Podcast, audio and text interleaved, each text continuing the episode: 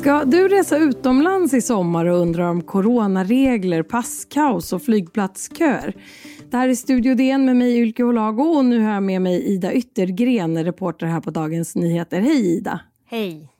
Du har ju skrivit en pedagogisk punktlista över saker som resenärer behöver veta inför avfärd denna sommaren 2022.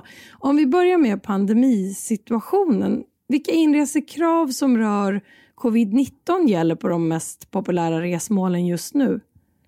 Eh, ja, men de flesta populära resmål i Sydeuropa har slopat inresereglerna.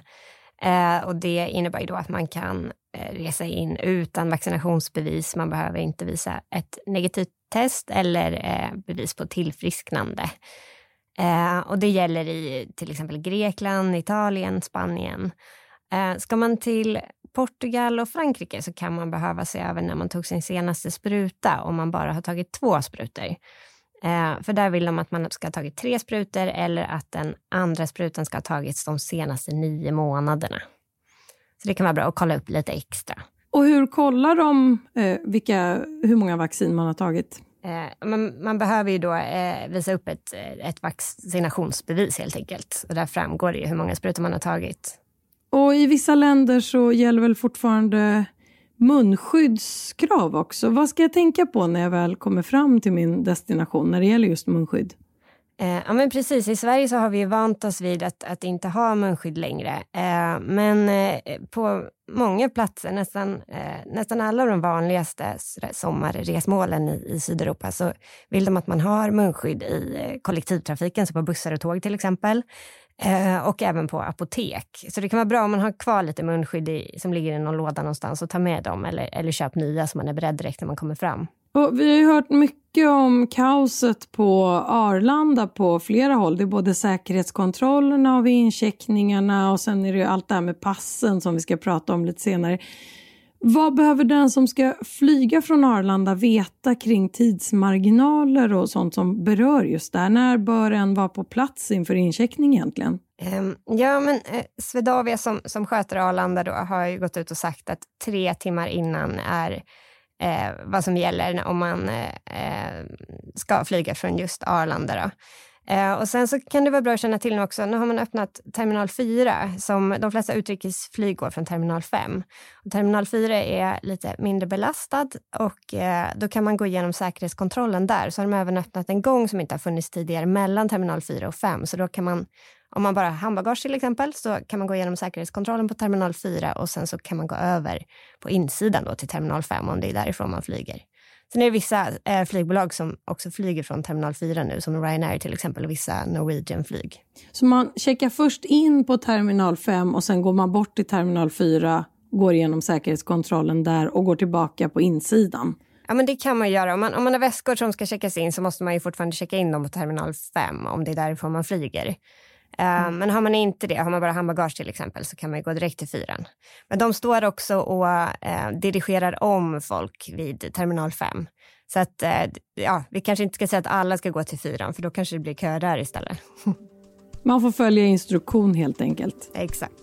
Vi ska ta en kort paus och sen prata mer om regler, köer och annat som du som ska utomlands i sommar kan behöva veta inför resan.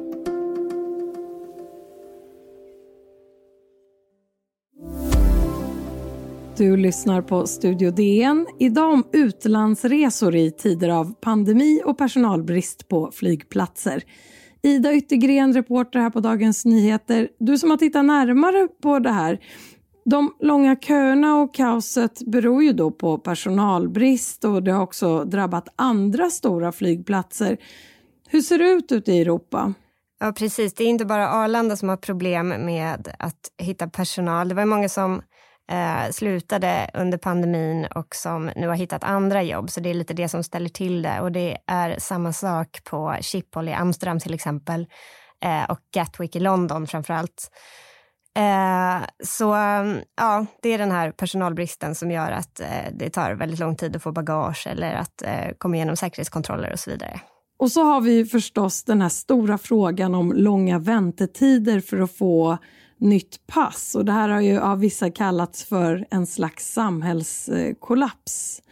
Och då undrar jag, vad gör jag om jag har en resa bokad men inte har något pass? Uh, ja, det, polisen rekommenderar att man söker ett nationellt id-kort istället och det gäller i, i EU-länderna. Eh, så det kan man göra för det är kortare tid för att få, eh, få en bokad tid för dem och eh, det är även kortare leveranstider så det kan man ju se som ett alternativ. Sen kan man ju även söka sånt här provisoriskt pass. Eh, och det kan man göra på tio platser i landet. Eh, men det har ju varit långa köer även till det, så då får man nog vara beredd på att ta med en, en brassestol och en kaffetermos och köa i något dygn eller två om man vill söka ett sånt. Mm, och de passen gäller ju bara de gäller med 72 timmar innan avresa, så man måste tajma in det där ordentligt också. Exakt, och det gäller ju bara för den specifika resan. Ja, och kostar tusen kronor. Ja, nästan tusen. Ja. Vi har ju också frågan om SAS-piloter som har hotat med strejk. Vad händer om det blir verklighet? Ja, men precis. Eh, SAS-piloterna är ju inte nöjda med de villkoren som de har haft på senaste tiden och de är rädda för att det blir ännu sämre nu med ett nytt sparpaket som SAS la fram nu här på våren. Det har ju gått väldigt dåligt för SAS eh, och då har man presenterat eh, eh, ja, lite åtgärder som ska rädda företaget. Eh, men piloterna anser då att, att villkoren blir alldeles för dåliga eh, och då eh, hotar de om att gå ut i strejk från den 29 juni om de inte enas då med, med SAS-ledningen eh, om bättre villkor. Eh, vi vet ju fortfarande inte om det blir strejk eller inte, men ha, om det skulle bli så så har man Eh, generellt sett rätt att få tillbaka pengar om flyg ställs in. Ehm, det finns jättebra information om det här på eh, Konsumentverkets sida Hallå konsument.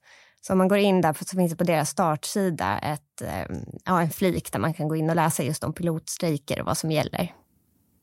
Mm. Och när det gäller information kring det vi redan har pratat om, eh, covid-restriktioner och annat, var, var ska resenärer hålla koll då för att få den senaste uppdaterade informationen? Uh, ja, men det är på UDs hemsida som är uh, där det finns väldigt bra information. Um, och uh, jag kan även tipsa om charterbolagens hemsidor. Där har de väldigt lättöverskådlig information om, om sina resmål och det är ju ofta de, de vanligaste resmålen om man tycker att det är svårt att läsa myndighetstexter. Många har ju omvärderat sina flygvanor, inte minst på grund av klimatkrisen och vill hellre resa med tåg. Vad ska man fundera på den här sommaren om man funderar på att åka tåg eller har en interrailresa bokad till exempel? Eh, ja, men precis. Man kommer ju ganska långt på interrailkortet. Eh, och det är heller inte särskilt dyrt. För runt eh, ja, 3 000 kronor för en vuxen så kan man köpa ett fem dagars kort eller då gäller fem resdagar med tåget. Eh, och ännu billigare för om man är lite yngre. Ehm, och eh, ja, då kommer man ju ner till Italien eller Spanien och sådär. Eh, det som man, kan vara bra att veta är att många nattåg är, är fullbokade och då kan man behöva räkna in kostnad för boende om man inte gillar att sova sittandes eller inte planerar att tälta till exempel. Ehm, sen kan det vara bra att känna till också att även SJ har personalbrist här i sommar. Så om man ska resa inom Sverige kan det vara bra att försöka boka tider som inte är de mest populära på helger till exempel. Och vad kan den här personalbristen få för konsekvenser? Hur märks den för resenärer? in, inställda tåg framför allt. Tack för all den här informationen, Ida Yttergren, reporter här på Dagens Nyheter. Tack själv. Om du vill kontakta oss så går det bra att mejla till studiodn dn.se. Och kom ihåg att prenumerera på Studio DN där du lyssnar på poddar så missar du inga avsnitt. Studio DN görs för Podplay av producent Palmira Kokari-Menga. Ljudtekniker Patrik Miesenberger, teknik Oliver Bergman på Bauer Media och jag heter Ylke Holago.